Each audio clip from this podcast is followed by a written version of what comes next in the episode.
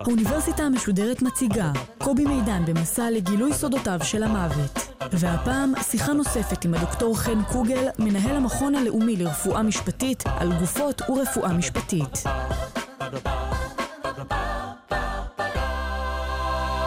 שלום לכם, אנחנו בהרצאה נוספת או במפגש נוסף במסגרת האוניברסיטה המשודרת ואנחנו עם הדוקטור חן קוגל שהוא המנהל של המכון לרפואה משפטית באבו כביר ואנחנו מדברים על תהליכי המוות עצמם. הערת אזהרה, אה, השיחה הקודמת וגם השיחה הזאת, פה ושם, תיאורים אתם יודעים שיכולים להיות קשים למי שהדברים קשים לו, כלומר לכולנו, אבל... אה, אלה הדברים, אה, ננסה גם לצאת אה, מהם אה, גם לשאלות משפטיות או בלשיות שנוגעות לעבודת הפתולוג. אז שוב שלום לך, דוקטור קוגל. שלום, שלום רב. בשיחה הקודמת מיצינו את נושא, את תהליכי המוות, את אותם, אותן 30 שעות ראשונות אחרי, אחרי המוות, שגם הוא עצמו הבנו איננו רגע אחד, אלא סוג של תהליך. האיברים השונים מתים אה, בהדרגה ולא בבת אחת, וגם אחר כך אה, התהליך הזה מסתיים משהו כמו 30 שעות. דיברנו על צפידת המוות, על רפיון השרירים, על מה שנקרא כתמי המוות. ועכשיו אנחנו מגיעים בעצם לקבורה. שוב, דיברנו גם על מיתוסים, דיברנו על צמיחת השערות ועל צמיחת הציפורניים ועל עצימת העיניים, מיתוסים. מקובל לחשוב שברגע שקוברים את האדם, אז מתחיל תהליך הריקבון אה, במלוא עוזו. אז, אז אה, כמובן זה, זה טעות אה, גדולה. אני... אה... דיברנו, אם אני קצת אעשה חפיפה על השיחה הקודמת שלנו, אז דיברנו על תהליכי הריקבון ואמרנו שהם קשורים לשלושה דברים עיקריים. לשינוי הגוון של הגופה, להתנפחות של הגופה בגלל הגזים שמייצרים החיידקים, ולהתנזלות של הרקמות, אה, כמו כל חומר אורגני. עכשיו, בתהליך הזה עוזרים לנו גם בעלי חיים. אבל גם אם לא היו עוזרים לנו בעלי חיים, אז על פני האדמה התהליך הוא הרבה יותר מהיר. ואם נניח אדם מת בתוך יער אה, או בשדה במדינת ישראל, בטמפרטורות הממוצעות שקיימות אצלנו, גופתו תהפוך לשלד בערך תוך חודש וחצי. לעומת זה, מתחת למים זה פי שניים יותר זמן. מתחת למים. מתחת למים. מתחת לאדמה, בקבר, זה פי שמונה יותר זמן, ושהקבר הוא מדופן, כלומר חפור יפה ויחסית אטום עם אבן מלמעלה, לא קבר מאולתר, אז זה יכול לקחת בין שנתיים לשלוש. בתוך ארון זה אפילו יותר לאט. ככל שיש לנו יותר שכבות, זה יותר לאט, ותכריכים גם. זה איטי יותר, ולכן הריקבון מתחיל בחוץ. כמובן, ככל שאנחנו מקדימים לקבור, יש פחות ריקבון, אבל הריקבון בקבר הוא יותר איטי. למה בעצם? מכיוון שהחיידקים, שהם העיקריים שגורמים לנו תהליך הריקבון, הם צריכים חמצן. והם צריכים חמצן אה, בשביל להמשיך את הפירוק. נניח אה, מחבלים קוברים בתוך שקיות אטומות מניילון, בגלל שיש מצב שיהיה חילופי גופות בעתיד. וכשאנחנו פותחים אותם, גם לאחר 15 שנים, אנחנו מוצאים שרידי רקמה רכה. הכיצד? הרי אמרתי קודם שתוך שנתיים-שלוש זה מתכלה. הסיבה היא שבגלל שזו שקית אטומה, החיידקים, בגלל היעדר חמצן ובגלל הגזים שהם עצמם פולטים, שהם רעילים עבורם, הם, מפסיק, הם מתים, החיידקים האלה, והם מפסיקים את תהליך הפירוק. ככל שיש לנו פחות חמצן, תהליך הפירוק יותר איטי. עכשיו, עוד דבר שעוזר לנו, ונגעתי בו קודם, זה בעלי החיים השונים. אם גופה עכשיו, מישהו מת בשדה הפתוח, אז בעלי חיים, כמו עכברי שדה, יתחילו לאכול בגופה, גם בעלי של בית. אם מישהו מת בביתו ויש לו בעל חיים חיית מחמד, אז uh, הכלב שלו, הכלב צריך להיות באמת מאוד מאוד רעב בשביל לאכול את בעליו. אבל חתול, אלה מהמזינים שיש להם חתול בבית, בוודאי שמו לב שמדי פעם שמסתכלים בטלוויזיה, החתול מסתכל עליהם עם עין אחת ככה. הוא פשוט בודק אם הם נושמים. כי ברגע שבעל הבית ימות, החתול לא יהסס ויאכל את uh, חלקים מגופתו לפחות. ולכן חיות עוזרות לנו, ובעיקר חרקים. חרקים uh, שבאים לגופה בשלבים שונים, ודיברנו בשיחתנו הקודמת על קביעת זמן המוות, mm-hmm. אז כאשר הגופה מגיעה בתהליכי התקלות שונים, מגיעים אליה חרקים שונים.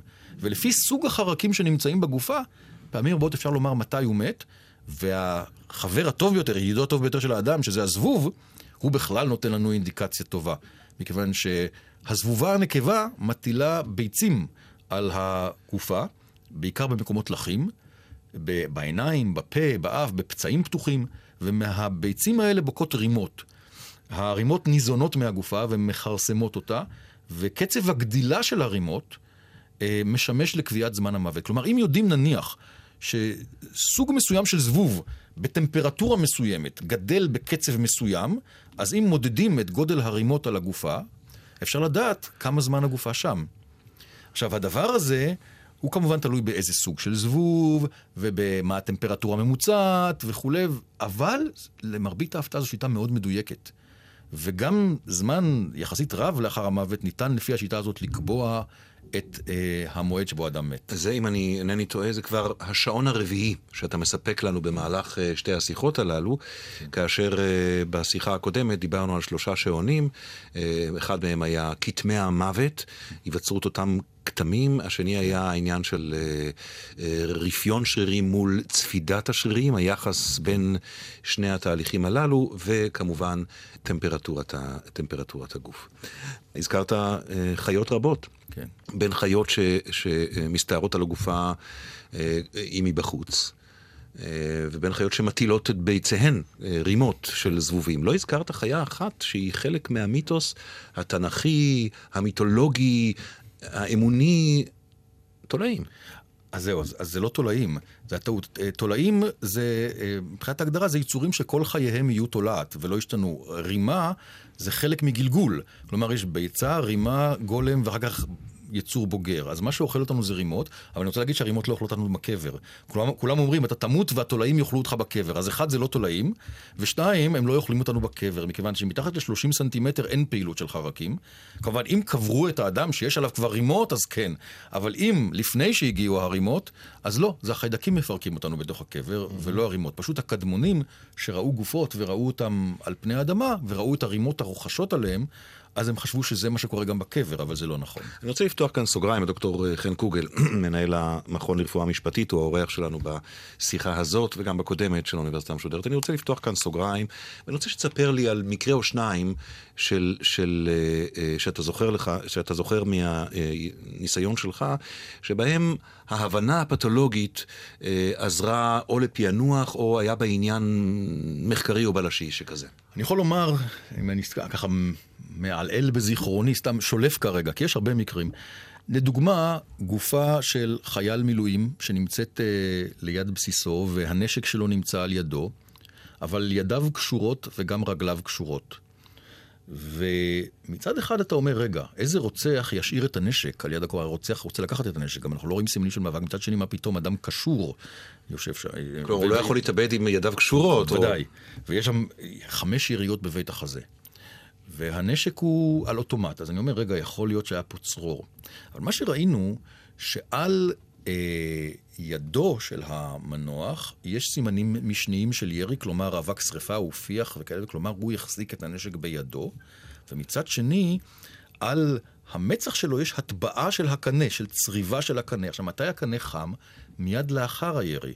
אבל בעת הירי הוא היה ביד שלו, אז האם יכול להיות שהוא התאבד ואחר כך נפל על הנשק? אנחנו בדקנו את הסביבה, וקודם כל בדקנו אם את הקשרים אפשר לעשות לבד.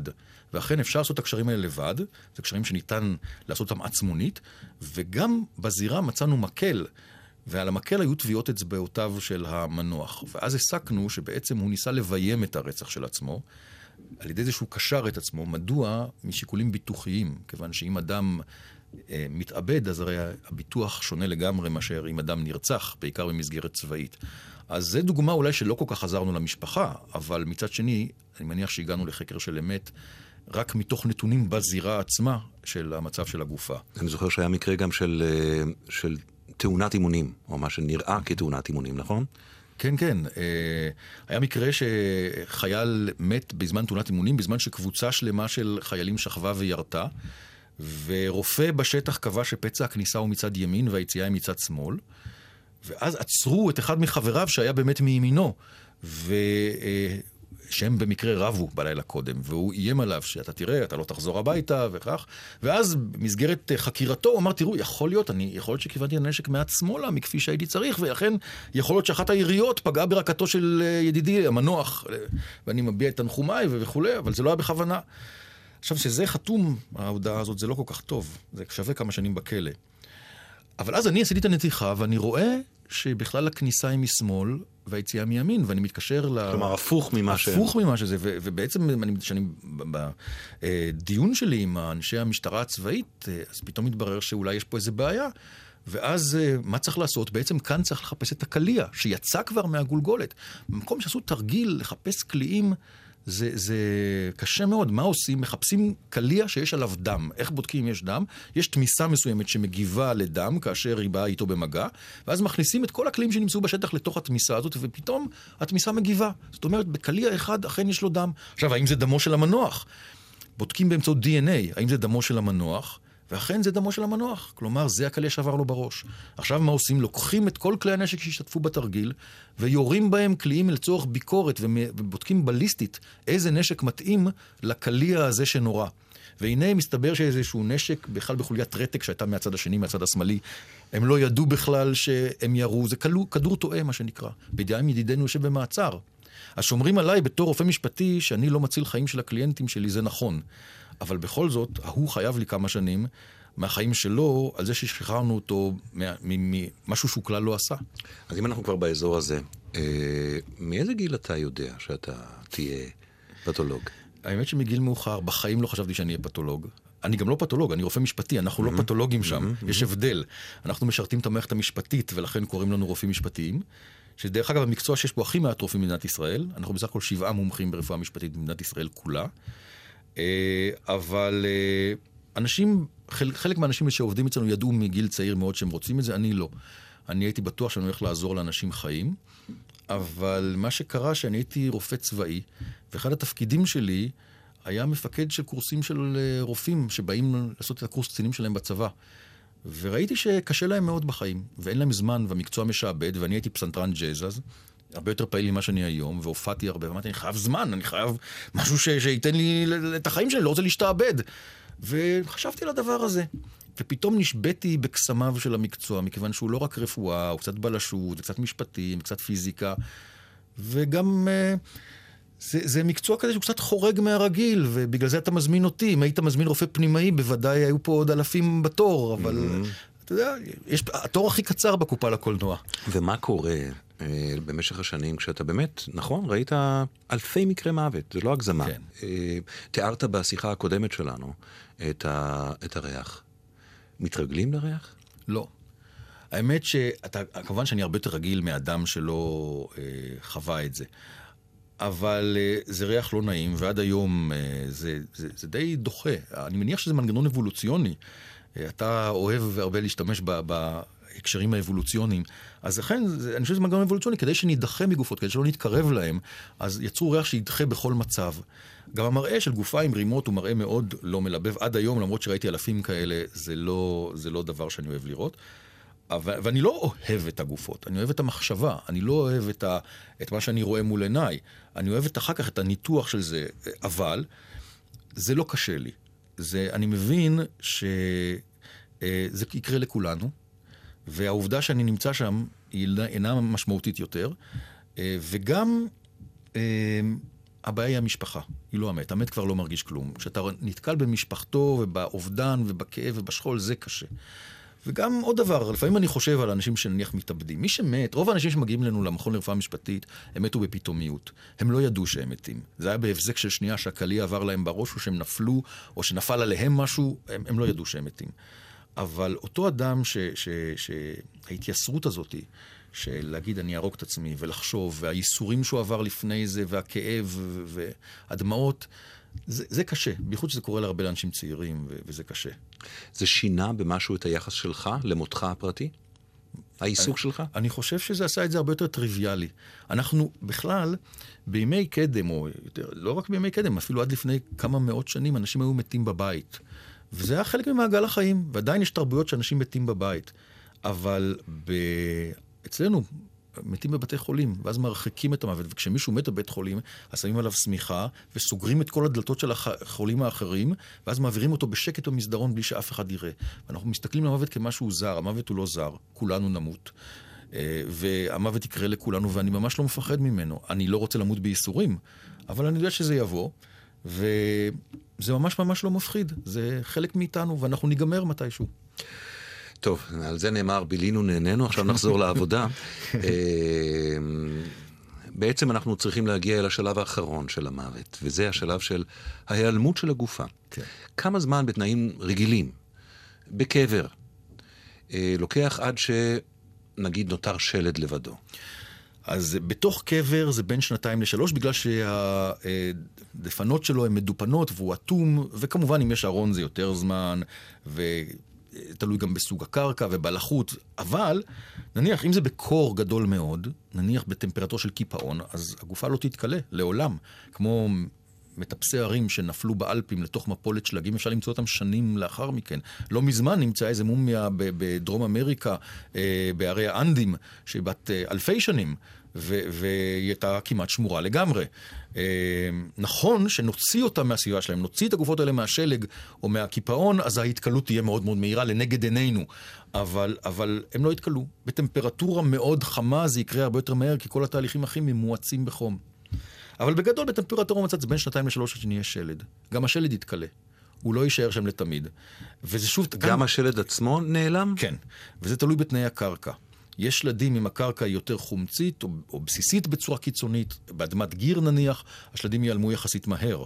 לעומת זה, במקומות שיש בהם, נניח במערות קבורה, כמו במערות הכרמל לדוגמה, יש שלדים מאוד מאוד עתיקים שהתגלו שם. אבל בסופו של דבר כל השלדים אה, ייעלמו, אלא אם כן הם יהפכו למאובנים, אה, ואז אה, הם פשוט אה, לא יהיו שם יותר. אז בתנאים אה, נורמליים, בממוצע, אה, עשרות שנים? מאות שנים. מאות שנים. מאות שנים, כן. מאות שנים. ובסופן של מאות השנים הללו לא נותר דבר שיעיד כי היה כאן בן אדם. נכון. לעולם לא נדע. וזו דרכו של העולם. מהמקום שהבן אדם נקבר, בהתחלה לא תהיה צמחייה, ואחר מכן ילבלב שם הכל הרבה יותר. בהתחלה שקוברים אדם, אז הצמחייה מתה, היא כאילו מתאבלת על מותו. זה בעצם נוזלי הריקבון שמרעילים את הצמחים. אבל לאחר מכן זה פתאום נהיה דשן, והמקום שבו אדם מת הופך לגן פורח. זה המחזוריות שלנו. יצא לך פעם אה, לפגוש אה, מומיה חנותה? כן. קודם כל, אה, מומיות שחנותות אה, אה, במדבר, רואים את זה על החניתה הטבעית שדיברנו עליה בשיחתנו הקודמת. אה, אבל אה, אני רואה גם אה, אנשים שנחנתים כל הזמן. אנשים חושבים שאין חניתות, אבל כל הזמן מי שרוצים להטיס את גופתו חייבים לחנות אותה. וגם אנחנו במכון לרפואה משפטית חונטים גופות, כי זה תקנות התעופה, אי אפשר לקחת גופה שתרכב בתוך המטוס. אז בעצם בחניתה הזאת, מה שעושים זה לא החניתה הטבעית שדיברנו עליה, אלא החניתה שמזריקים נוזלי שימור לתוך הגופה, שבעצם מקבעים את הקשרים בין החלבונים, ששוב דיברנו עליהם, שההתרופפות של הקשרים גורמת להיעלמות החלבונים האלה. היא מקבעת את הקשרים בין החלבונים, החומר המפורסם ביותר זה פורמלין, וגם גורמת להרס של החיידקים, שהם המכלים העיקריים של הגופה. אז גם שני הדברים האלה, הקיבוע של הקשרים וההרג של החיידקים, גורם לזה שהגופה תשתמר. ובעצם הגופה נראית שונה. היא נראית כמו בובה צהובה וצפודה וקשה, הצבע שלה אחר, ו... אבל עדיין היא משתמרת. ולכן, במקומות שיש מה שנקרא open casket, ארון פתוח, כמו בארצות הברית, אז זה לא מספיק לחנות, צריך לאפר את הגופה כדי שתיראה יותר סבירה מבחינת מראה אנושי. ואיך אתה מעריך מבחינה מקצועית את העבודה שעשו המצרים הקדמונים? מה הם ידעו ומה הם לא ידעו? מה הם לא ידעו אני לא יודע, אבל אני יודע שהם ידעו אה, שיש כל מיני עשבים שבהם יש חומרים שמעכבים את תהליך הריקבון, שבעצם מה שהם עושים הם מרעילים את החיידקים, וגם הם יצרו, אה, הרבה פעמים הם רוקנו את האיברים הפנימיים, לא תמיד, אבל הרבה פעמים רוקנו אותם בכל מיני צורות, ואז הכניסו את העשבים האלה לתוך אה, נקבי הגוף כדי לשמור על התהליך שלא יהיה ריקבון חיידקי. וגם בנוסף הם לפעמים החדירו עשן בכל מיני צורות. עישון, עישון גם כן משמר. וואו. כן. Uh, בסדר גמור. עכשיו, נדמה לי שזה המיתוס האחרון שניגע בו בשתי השיחות הללו שלנו, uh, שמתים מפיצים מחלות. אז זה לא נכון.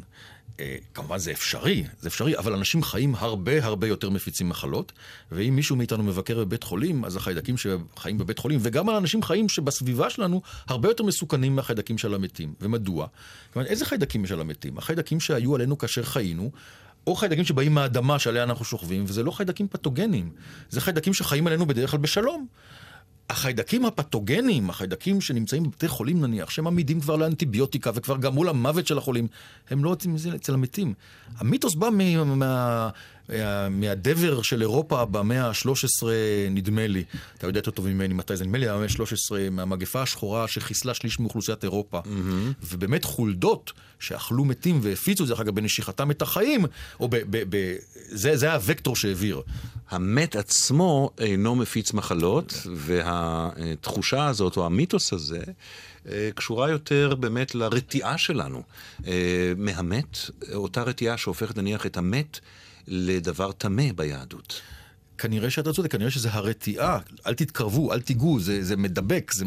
כמובן שאם למת הייתה מחלה מדבקת קודם, אז חלק מהמחלות יכולות לעבור לחיים, אבל אדם רגיל לא ידבק. אתה תיקנת אותי קודם שאתה לא פתולוג, אלא רופא אה, משפטי, כן. מה שנקרא. אה, אני רוצה לדבר, אה, לדבר אה, קצת על, על המכון שאתה עומד בראשו. כן. אה, קודם כל... הוא היחיד בארץ. כן, אנחנו שזה מדינה... שזה משונה קצת. בהחלט. אנחנו המדינה המערבית היחידה שיש בה מכון אחד לרפואה משפטית, שזה לא טוב. אה, נניח במדינה כמו שווייץ, שיש בה אותו מספר אוכלוסין, שמונה מיליון אנשים, יש שישה מכונים לרפואה משפטית. דנמרק, חמישה מיליון אנשים, ארבעה מכונים לרפואה משפטית. אני לא מדבר על מדינות כמו גרמניה, אבל כל, כל עיר יש בה מכון לרפואה משפטית. בישראל יש מכון אחד, ואני בראש המכון, ולכאורה אני צריך להגיד, איזה יופי, אף אחד לא יכול לחלוק עליי, ואני יודע הכי טוב, ואני בראש הפירמידה, אבל זה לא טוב, כי אני צריך פלוגתא. אני צריך מישהו שיגיד לי, תשמע, אתה טועה. אני לא יודע מתי אני טועה. אני כמובן לא טועה בכוונה, אבל אין לי ספק שאני מתישהו טועה. גם, גם אם, אם למדתי משהו בשתי השיחות הללו, ואני מטיל בכך ספק, אבל אה, יש אה, חשיבות עליונה לזמן. אז אם מישהו, אה, אה, להבתו, מצא את מותו במדבר והוא צריך להגיע אליכם לאבו כביר, זה, זה שעות ארוכות. גם נכון.